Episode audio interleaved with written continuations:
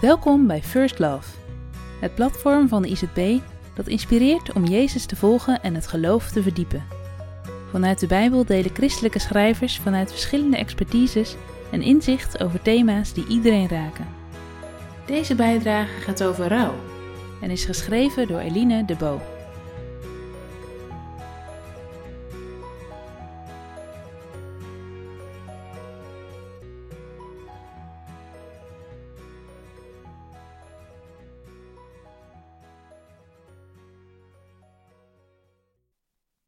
Toen rolde hij een grote steen voor de ingang van het graf en vertrok.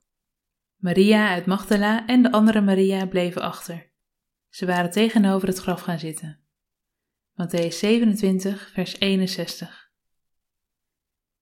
In de kiem gesmoord. Die woorden blijven hangen. De rest van deze dag is een waas. Dat is niet erg, had ze wel de dominee als uitvaartleider tegen haar gezegd. Voor de verwerking mag ze alle tijd nemen die nodig is, zegt haar baas op het kaartje bij de bloemen. Alsof hij op het reïntegratieplan van de Arbo tot in eeuwigheid in zou mogen vullen. Vanaf het moment dat het kind haar had overvallen in haar schoot, ze zijn handje vasthield wanneer ze wandelde, ze hem de keuzes zag maken die ze niet begreep, maar wel respecteerde, tot vandaag, toen de kist gesloten werd. Alle dagen groeide die eerste liefde, die nu begraven is, alsof hij geen bestaansrecht had. Daar kan ze zich niet bij neerleggen. Hij gaf betekenis aan haar leven en aan dat van de mensen die hem ontmoetten. Dan raakte hij een snaar. Niet iedereen reageerde daar hetzelfde op. Sommigen stuurden meteen een vriendschapsverzoek of volgden hem, anderen posten alleen haatberichten. Eerder deze week werd het hem fataal. Er konden maar een paar vrienden bij zijn vandaag. De jongens en meiden rondom het graf waren gebroken. Ze wilde haar armen om hen heen slaan, maar die waren te zwaar om op te heffen langs de lange lijven. Iemand blijft bij je vannacht, hoorde ze. Niemand wil dat ze nu alleen is. Het slapende familielid onder haar dak in de zoveelste doorwaakte nacht maakte haar onrustig. Maar het is goed bedoeld, dus had ze knikkend toegestemd. Woorden om tegen te sputteren heeft ze nu niet, en de meeste zinnen die aangereikt worden komen niet binnen. Hij woonde al een tijdje niet meer thuis, maar het feest wanneer hij, vaak onverwacht, haar leven letterlijk binnenstapte, vervult haar zelfs nu met een vreugde die niet bij deze leegte past.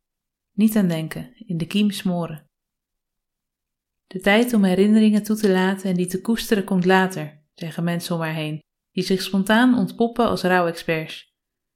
Ook aan het onrecht dat hem aangedaan is of de toekomst die hem ontnomen is, kan ze beter nu niet denken. Eerst maar ruimte geven aan haar verdriet. Al die nuttige adviezen uit de boekjes kunnen haar gestolen worden, zoals hij van haar is weggegrist. Boos stapt ze de donkere tuin in. Als ze na een half uurtje toch maar naar binnen komt, pulkt ze gedachteloos een net ontkiemd narcissenbolletje onder haar schoenzool vandaan.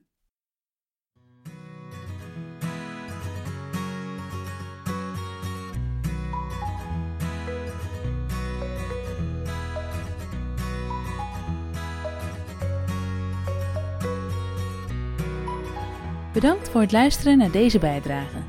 Voel je vrij om deze te delen met anderen. Ben je benieuwd naar andere artikelen van First Love? Kijk dan op www.firstlove.nl of download de IZB Connect app voor nog meer inhoud.